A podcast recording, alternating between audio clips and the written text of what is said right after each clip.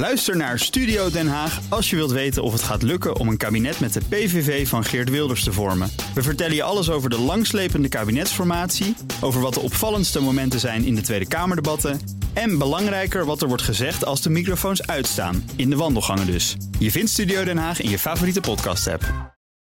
Dutch Podcast Top 20. André Dortmund.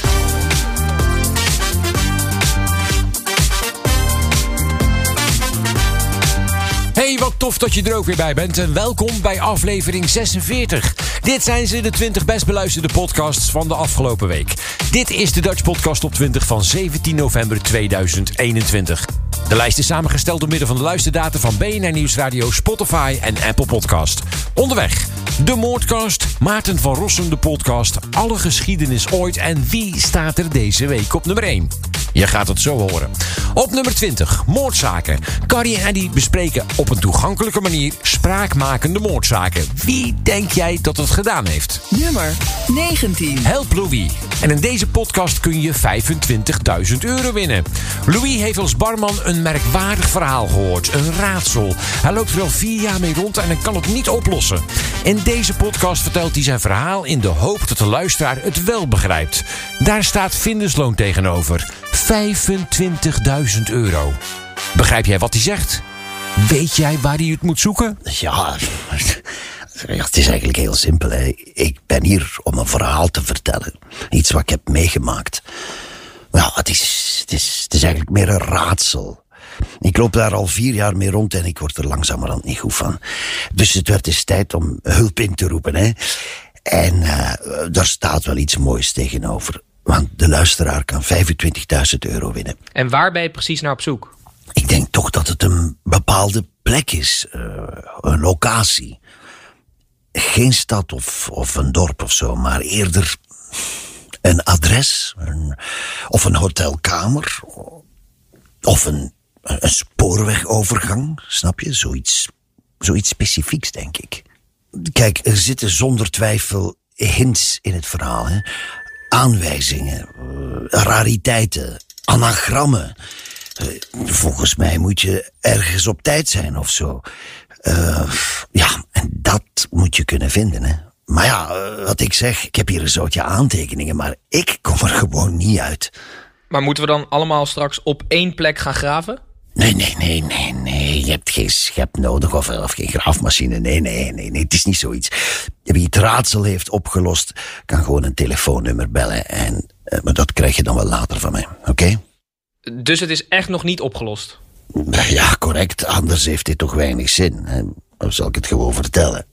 Uh, mag ik nu eindelijk beginnen? Kan ik? Ga je gang. Uh, goed. Louis dus. 72 jaar. Um, barman van beroep. Nou ja, mijn kroeg is al vier jaar dicht, dus uh, barman zonder beroep. um, aangenaam. Ik ben uh, niet op zoek naar vriendschap, een, uh, een nieuwe liefde of seks. Ik wil gewoon een verhaal vertellen. Een merkwaardig verhaal, dat kun je gerust zeggen. Ja. Ik heb het gehoord, want ja, het werd in mijn kroeg verteld. Aan de bar, waar ik geduldig heb meegeluisterd. Een goede barman weet alles, toch? Dat wordt gezegd, maar dat is niet waar, hè? Nee, nee, nee, nee. Ik, ik weet twee dingen. Er zit iets in dit verhaal verstopt. En het is nooit gevonden. Leuk, zal je denken, hè? Een mysterie. Wel, weet wat? Noem het wat je wil. De een luistert voor het verhaal, hè, de romantiek, ja, of gewoon om uh, de tijd door te komen tijdens strijken. En de andere, die, die, luistert om het geld. Hm? maar het gaat jullie waarschijnlijk allemaal om het geld. Allee, laat ik dus maar zeggen, wie het als eerst oplost, krijgt vindersloon. 25.000 euro. Dat is zeker, hè? geen kleine lettertjes. Nee, nee, nee. 25.000 euro. Voor jou. Als je goed luistert. Als het kwartje valt. Ik kan het niet winnen, maar dat geeft niet. Het gaat mij er nu om dat het gewonnen wordt, dat iemand het begrijpt en, en ja, mij de weg wijst. Zodat ik eindelijk weet waar ik had moeten zoeken. Daarom, hm? Daarom wil ik het vertellen. Op nummer 19 in de Dutch Podcast Top 20 Help Lobby. Een podcast waarmee je 25.000 euro kunt winnen. Dan op nummer 18, NRC Vandaag. De dagelijkse podcast van het NRC. Hun journalisten vertellen de verhalen van de dag. Nummer 17, Man Man Man, de podcast. Bas, Chris en Domien zoeken uit hoe mannelijk ze eigenlijk zijn. Ook leuk voor vrouwen. Nummer 16. En daar vinden we het Sinterklaasjournaal. Opvallend, want het is de serie van vorig jaar. Nou, oké. Genoteerd aflevering 1. Hij is weer in het land. Sinterklaas en de Pieten zijn net in Nederland aangekomen. Het is dus al bijna een jaar geleden dat ze voor het laatst in het grote Pietenhuis waren.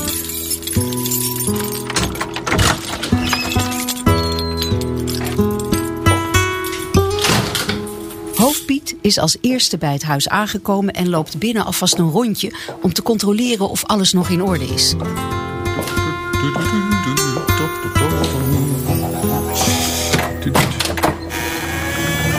Zo.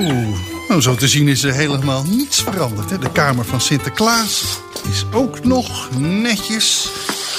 Ik ben benieuwd hoe het in de keuken is. Kijk eens, de keuken is ook keurig aan kant. Het hele huis ziet er nog precies zo uit als we het vorig jaar hebben achtergelaten. Hoofdpiet loopt ook nog even naar de pakjeskamer. Daar moeten straks de cadeautjes in die nu nog op de stoomboot liggen.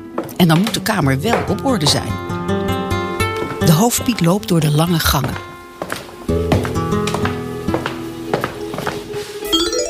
Maar dan ziet hoofdpiet toch iets bijzonders. De deur van de pakjeskamer staat wagenwijd open. Dat is vreemd. Want als het goed is, is daar nog helemaal niemand geweest. En wat doet iemand nou in een lege pakjeskamer? Is dit nou... De hoofdpiet versnelt zijn pas om te gaan kijken wat er aan de hand is.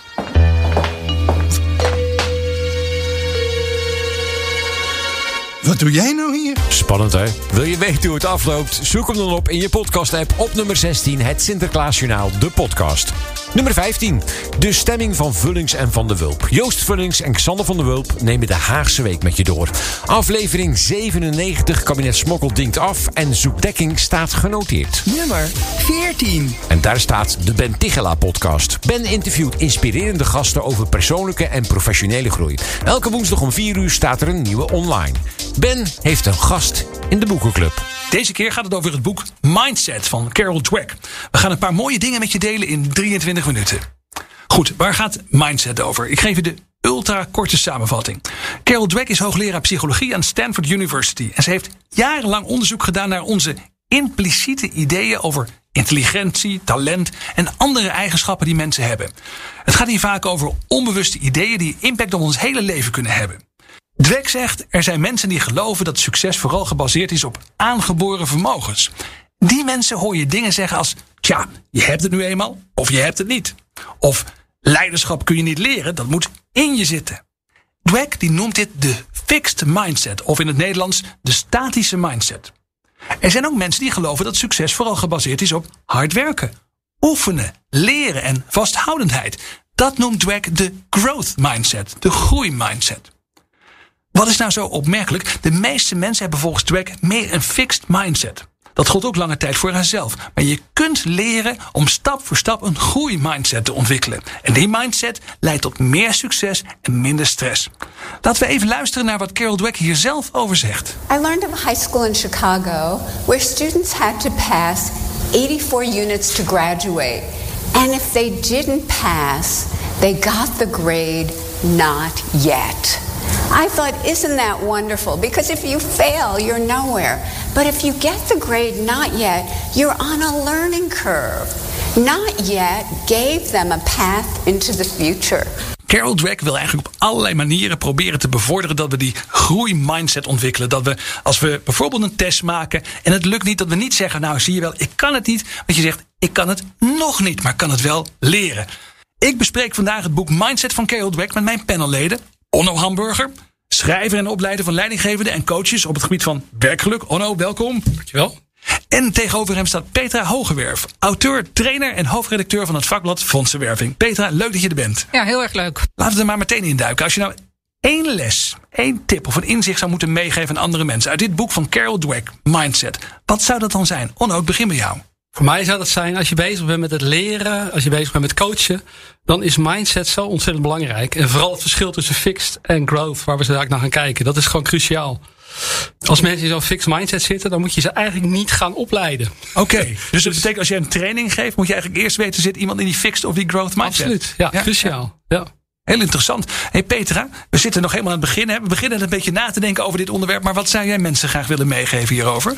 Nou, het belangrijkste wat ik ervan heb geleerd is dat je anders leert omgaan als er iets mislukt of als je faalt.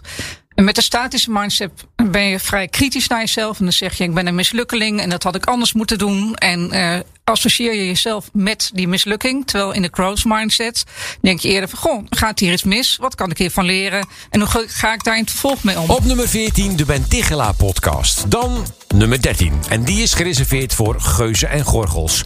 Twee maatjes in één podcast. Monica Geuze en Kai Gorgels.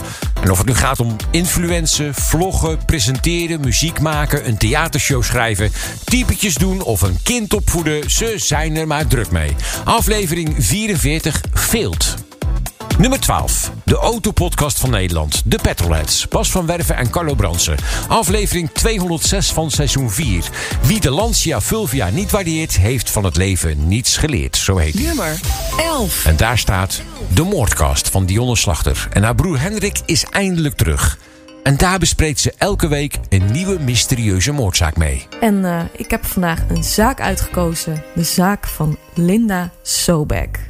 Het is een zaak die zich afspeelde in de jaren 90. Maar ik denk dat we hier nog veel van kunnen leren. Linda Sobek was een vrouw eind 20. Ze was een model, bikinimodel, kalendermodel.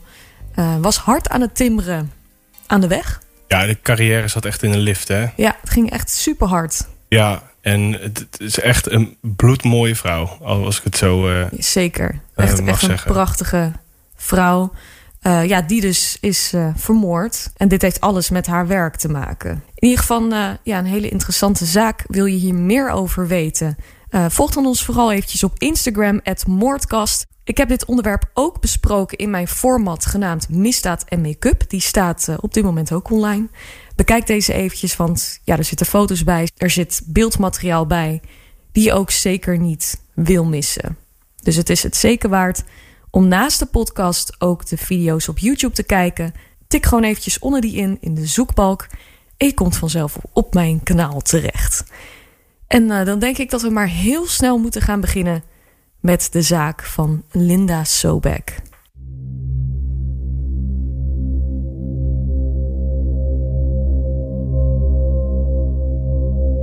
Linda Elaine Sobek wordt geboren op 9 juli 1968 in Los Angeles in Amerika.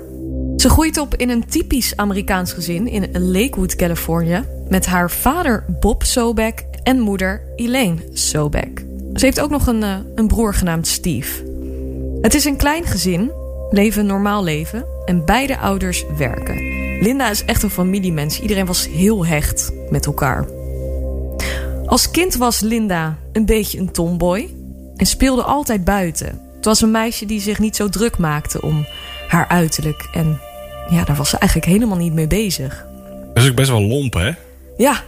Dat vond ik dan ook wel heel erg grappig. Dus ja, ja, mensen beschrijven haar als een beetje lompig. Als je dan later die foto's ziet als zo'n gracieus model. Ja, ja heel, heel uh, vrouwelijk. Hè? Ja. Nou ja, misschien Ja. is dat het betere woord, maar Ja, gracieus, ja, zeker wel. Mensen zouden haar niet als gracieus hebben beschreven in ieder geval. vroeger niet. Nee, Alles zeker. behalve dat. Ja. Make-up, daar had ze ook echt totaal geen interesse in. Linda was juist vaak buiten te vinden en gaf er weinig om als haar kleren bijvoorbeeld vies werden. Het was echt, ja, zo'n meisje die er gewoon lekker op uitging in de buitenlucht. Een vlekje hier en daar. Dat maakte niet uit. Ja, ik van. Ze werd dus omschreven als best wel een verlegen meisje. En Inderdaad, een beetje lomp. En eh, ze konden dan nog wel eens onhandig uit de hoek komen. Dutch Podcast Top 20. André Dortmund. Nummer 11, de moordkast van Dionne Slachter. Dan gaan we naar nummer 10. F1 aan tafel, een podcast van Grand Prix Radio. Genoteerd aflevering 46. Max erop of eronder. En de presentatie is in handen van Mattie Valk. Nummer 9. Lekker lullen de podcast. Lieke Augustijn en Luc Dreesen nemen je mee in hun zoektocht naar succes als actrice en presentator. Wat maken ze mee? Wat gaat er goed en wat gaat er misschien helemaal fout? Nummer 8. Maarten van Rossum de podcast. Maarten en Tom bespreken de wereldgeschiedenis en daarbij dwalen ze regelmatig af. Op 5 januari staan ze trouwens live met hun podcast in Tivoli Vredenburg. Goed, Maarten legt uit aan Tom dat hij niets begrijpt van de Pokémon hijsa en het zegt hem 0,0. En hij trouwens, Maarten ging ook met de trein. Polken was in het boek ook een enorme sukkel in ieder geval. Maar dat vond ik wel leuk als jongetje. Zoals nu de Pokémon kaartjes. Daar sta ik gelukkig helemaal buiten. Maar mijn jongste kleinzoon is erg van de Pokémon kaartjes. Nou, misschien... Eh, Met Charizard. ja, wij, het is voor mij volkomen... Dat was een leeuw. Die, Ja. eh, Oh ja? En Pikachu. Dat zegt me totaal niets. No, ik dacht dat Pokémon-liefhebbers dan zenuwachtig door een stad renden. Het verlossen, kunt u mij horen? Ik ging, ik ging nog wel eens naar het Rijksmuseum in Amsterdam. Ja, ik hoor, nou geloof je niet dat het waar is, maar ik was altijd nogal gesteld op 19e eeuwse kunst. En, en in die afdeling 19e eeuw, die moest je ook, die moest je ook, die moest je ook de weg weten. Daar was nooit iemand. Sterker nog, ik heb daar een slapende Japaner aangetroffen. Die lag er te pitten op die bank. En ik heb al die schilderijen bekeken, al die koekoeken en schelfhouts en zo. En die man die pitte gewoon door. Ik dacht, van, zou ik hem wakker maken of zo? Dat hij, misschien dat hij niet onwel is geworden. Dat zou natuurlijk kunnen. Maar nee, hij bleef gewoon doorpitten. Dus na twintig minuten of een half uur verdween ik weer. En hij lag nog steeds te pitten. Ik vond het indrukwekkend. Het is de enige slaper die ik ooit in het museum heb gezien. Nou moet ik zeggen, nu ik dit allemaal vertel... en je weet, het is met dat afdwalen... Ja, dus de, de lui die niks hebben met afdwalen... die kunnen nu even naar de wc. Ja, die zijn al afgehaakt, denk Oh, ik. die zijn al afgehaakt. Oké, maar we komen zo terug op die boeken. Vooral op de Robinsonade, heel interessant thema. Het, het verblijf op een onbewoond eiland. Eh, ja, ik zat dus nog eens in de trein van, van Amsterdam naar, eh, naar Utrecht. De, de doodnormale intercity-trein. En, Eerste klas? Ja, ik, rijd, ik heb altijd eerste klas gereisd. Ik vond een minimum, zoveel duurder was het niet. En je zat toch niet tussen het plebs, zal ik nou maar even zeggen. Ja, weet je waarom ik daarmee begonnen was? Omdat ik natuurlijk in Wageningen woonde. En dan ging ik met de trein naar Utrecht. Maar in Ede, want het is e station Ede-Wageningen. Wageningen heeft zelf geen station. Eh, Ede had, wat, had een hele reeks van reusachtige kazernes. Dus die treinen zaten altijd vol in het weekend, als ik dus weer terugging. Met soldaten of heen Oh ja. of terug. En die zaten tweede klas. Ja, dat was geen lolletje, die soldaten. Dat, dat, dat, ik vond dat vervelend agressief volk, eerlijk gezegd. Dus ik ging altijd eh, eerste klas. Ik reisde altijd eerste klas. Waardoor ik, al, heel, ik heb heel regelmatig in de trein gezeten met Marga Klompé. Die woonde volgens mij in, in Nijmegen en die was dan op weg naar Den Haag. Ja. En ik wist wel wie Marga Klompé was. Niet dat ik zei van, god, mevrouw Klompé, nu ik u toch zie, mag ik nog eens zeggen. Wat een, nou ja, nee, absoluut niet. En ik kan je getuigen, zij werkte altijd vanaf het moment dat ik instapte tot zij ging door naar Den Haag. Zat Marga Klompé in, in allerlei belangrijke documenten te kijken. Ik dacht, kijk, dat is iemand die... Nummer 8 in de Dutch Podcast op 20. Maarten van Rossum, de podcast. Dan gaan we naar nummer 7. De Amerika-podcast van Jan Postma en Bernard Hammelburg. Hun visie en analyses op de United States. En dan op nummer 6. Broers van Sam en Rijk. Twee broers die alles met elkaar bespreken. Seks, alcohol en stappen. Nummer 5. Napleiten. Misdaadjournalist Wouter Laumans en strafpleiter Christian Vlokstra praten met advocaten over bijzondere zaken die hen altijd zullen bijblijven. Genoteerd aflevering 7. Vergeving voor een moordenaar. Heb jij wel eens een, eh, een klant gehad eh, in, een, in een heftige strafzaak die oprecht spijt had van wat hij gedaan had? Eh, Of ja, waar hij in nee. verzeild geraakt was? Nee, zeker. Die klant heb ik zeker wel gehad, ja. ja. Kijk, je weet, kun je natuurlijk nooit met zekerheid vaststellen, ook als advocaat niet, of die spijt hè, eh, compleet en, eh, en, en echt is. Ehm, maar ik heb wel verschillende klanten gehad die dusdanig berouw toonden dat ik dat wel geloofde, ja. Ja. ja. We gaan het vandaag hebben over eh, ja, echt wel een hele gruwelijke zaak. Eh, dat is die van de moord op de 51-jarige Marinus Ooms uit het Friese dorpje Houderwijk. Eh, dat is een man die bekend stond als een rustig en sociaal persoon. Iemand die hield van paarden en motoren. En deze alleenstaande sociaal werker werd in 2006 overvallen in zijn huis. Uh, en daarbij is hij zwaar mishandeld en vastgebonden. Uh, met tie wraps. En terwijl hij op zijn buik lag, is hij, met, is hij van achter met een mes doodgestoken. Ja. Uh, de buit van deze roofmoord bedroeg uiteindelijk 50 euro, twee mobiele telefoons en een fototoestel, als ik het goed heb. Uh, uiteindelijk leidde het spoor naar drie jongens uit Amsterdam. Dat waren allemaal bekenden van de politie, zoals dat heet. Uh, en de hoofdverdachte in de zaak had ooit in een pleeggezin gezeten in hetzelfde dorp als deze uh, vermoorde Marinus Ooms. En hij dacht dat er veel geld te halen viel. Deze, deze jongens werden ver, veroordeeld tot lange gevangenisstraffen. Een van hen kreeg daarnaast TBS. Uh, toch ging het OM destijds in hoger beroep. En daar gaan we over praten met strafpleiter Nancy Dekens. Die is vandaag onze gast. Welkom. Dankjewel.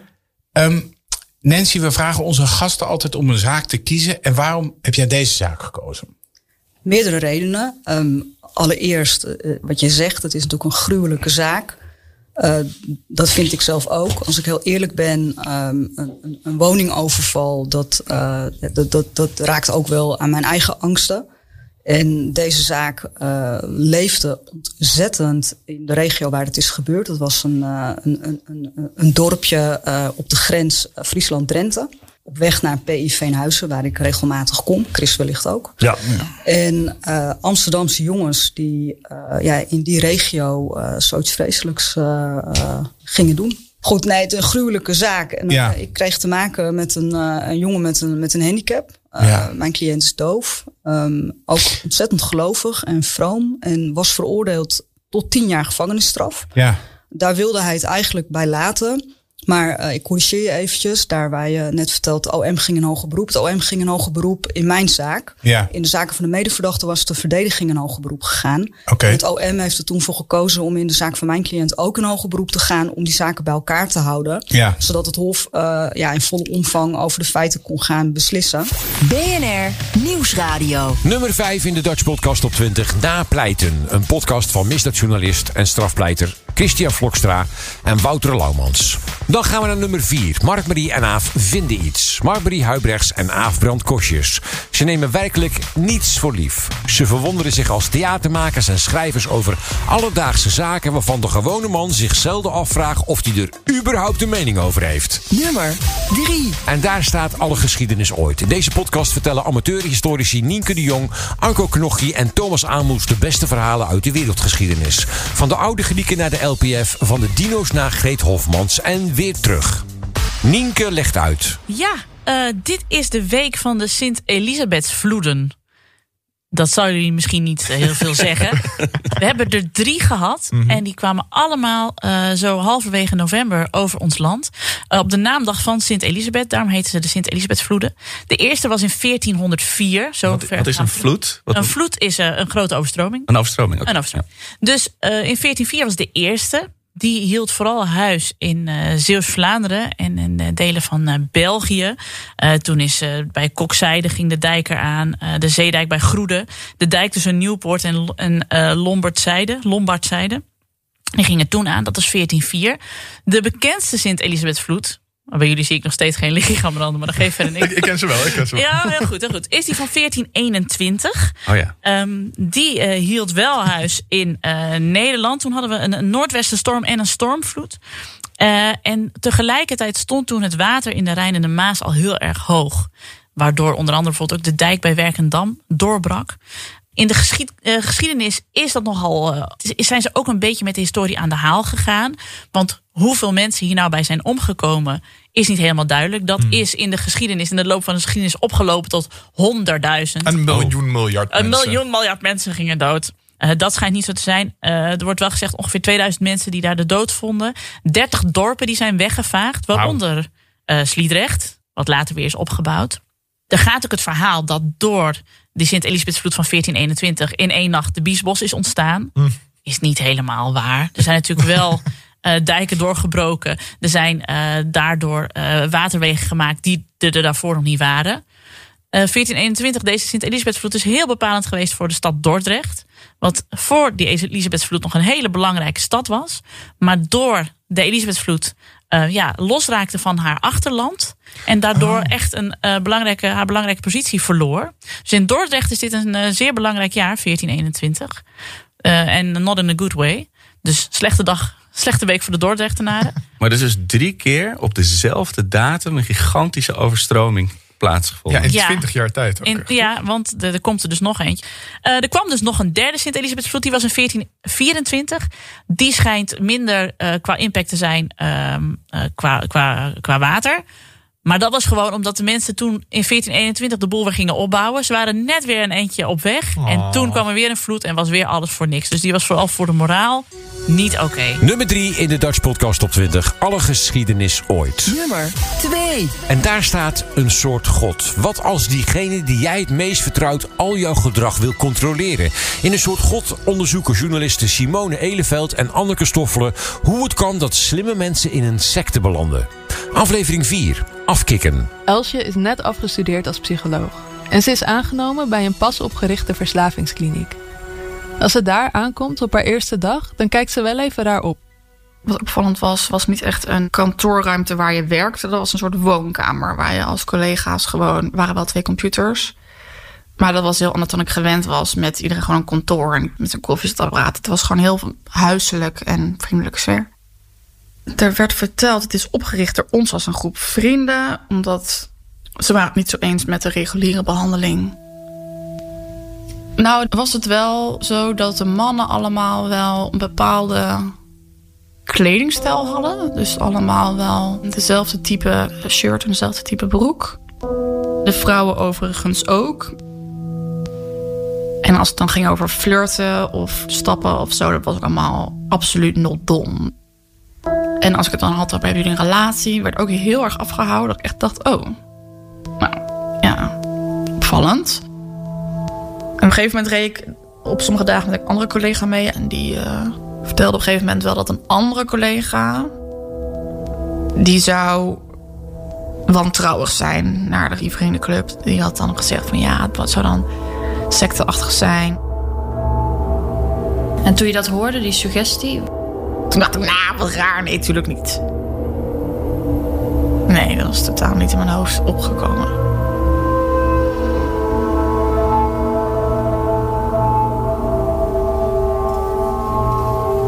Je luistert naar Een Soort God. Een podcast van de Volkskrant. Aflevering 4. Afkikken. Mijn naam is Simone Eleveld en ik maak deze podcast samen met Anneke Stoffelen. In de vorige aflevering hoorde je hoe de groep aan geld probeert te komen met wietplantages. Maar dat blijkt nog best lastig en de kans om gepakt te worden wakkert René's paranoia nog verder aan. En daarom gaan ze in 2010 op zoek naar een nieuwe manier om aan geld te komen. Rond die tijd komt een kennis van René op bezoek in Kessel, als hij net is ontslagen uit een verslavingskliniek. Je hoort hier Jeppe. En daar kwamen we mee in gesprek en die zei zo, daar zit, eh, daar zit geld heen. Weet je wat mijn traject kostte? 20.000 euro, vier weken. Dus wij gingen ook rekenen. Oh. Nou, en uh, dus hadden we het altijd over hoe kunnen we ons spiritueel pad uh, goed inrichten. Dat is ja, en, zinvol voor, voor de medemens. Dus degene die zijn gevallen een stukje licht brengen, zei hij dan. Dus dat is ideaal, je geld verdienen en mensen helpen. Nummer 2 in de Dutch Podcast op 20, een soort god.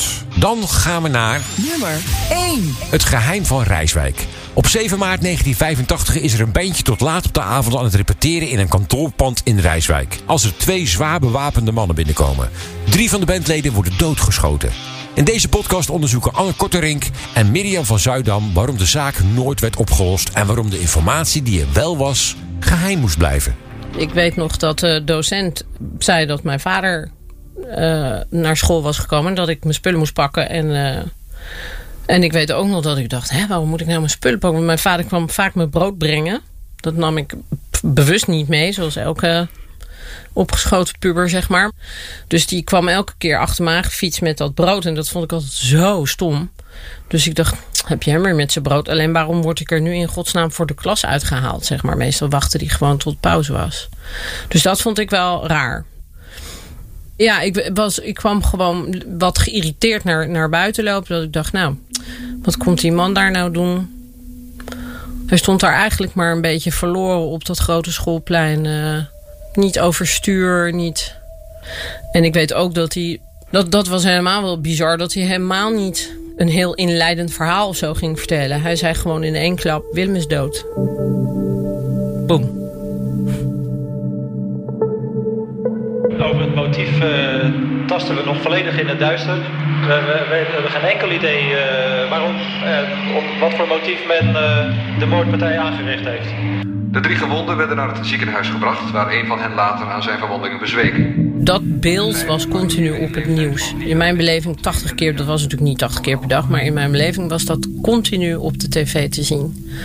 Dat er een brancard uh, waar, waar je niemand meer kan zien. Een ingepakt iemand uh, op die brancard. En dat, dat trok ik echt niet. Dacht ik, jezus. Straks is dat dus Willem. Dus vanaf daar uh, was het wel duidelijk dat het echt gebeurd was. Dit is Merel van Kuijen. Zij mailde mijn vader met de vraag om informatie over een moordaanslag uit 1985. Een van de slachtoffers van die aanslag is de 26-jarige Willem van Putten. Willem was de vriend van Merels zus Marian. Toen we binnenkwamen hoorde ik Marian heel hard huilen. In de douche. Nou, dat was echt een verschrikkelijk geluid. En verder zie ik gewoon voor me hoe mijn middelste zus, die was thuis. Mijn broer was al thuis. Ik geloof zijn vriendin ook. Nou ja, allemaal mensen die er normaal niet zijn uh, op zo'n ochtend. Het was een hele rare dag, want ik heb zo geprobeerd om weer terug te halen waar we nou over gesproken hebben. Maar volgens mij hebben we die dag alleen maar over hele praktische dingen. Waar Marian nou zou gaan slapen en zo. Dat we bedacht hadden dat ze dan op mijn kamer zou komen te slapen. En zij wilde gewoon terug naar het huis van waar ze met Willem uh, woonde. Een hele rare, kille... Ja, het zal totale onbegrip... Hè, dat, dat drong nou niet echt door, denk ik, tot niemand. Nummer 1 in de Dutch Podcast Top 20. Het geheim van Rijswijk. Een podcast van Anne Korterink en Mirjam van Zuidam. Dit was hem dan. Het overzicht van 17 november 2021. Seizoen 1, aflevering 46. Alle afleveringen van de Dutch Podcast Top 20 vind je terug op dutchpodcasttop20.nl. En volgende week is er natuurlijk weer een verse lijst. Tot dan.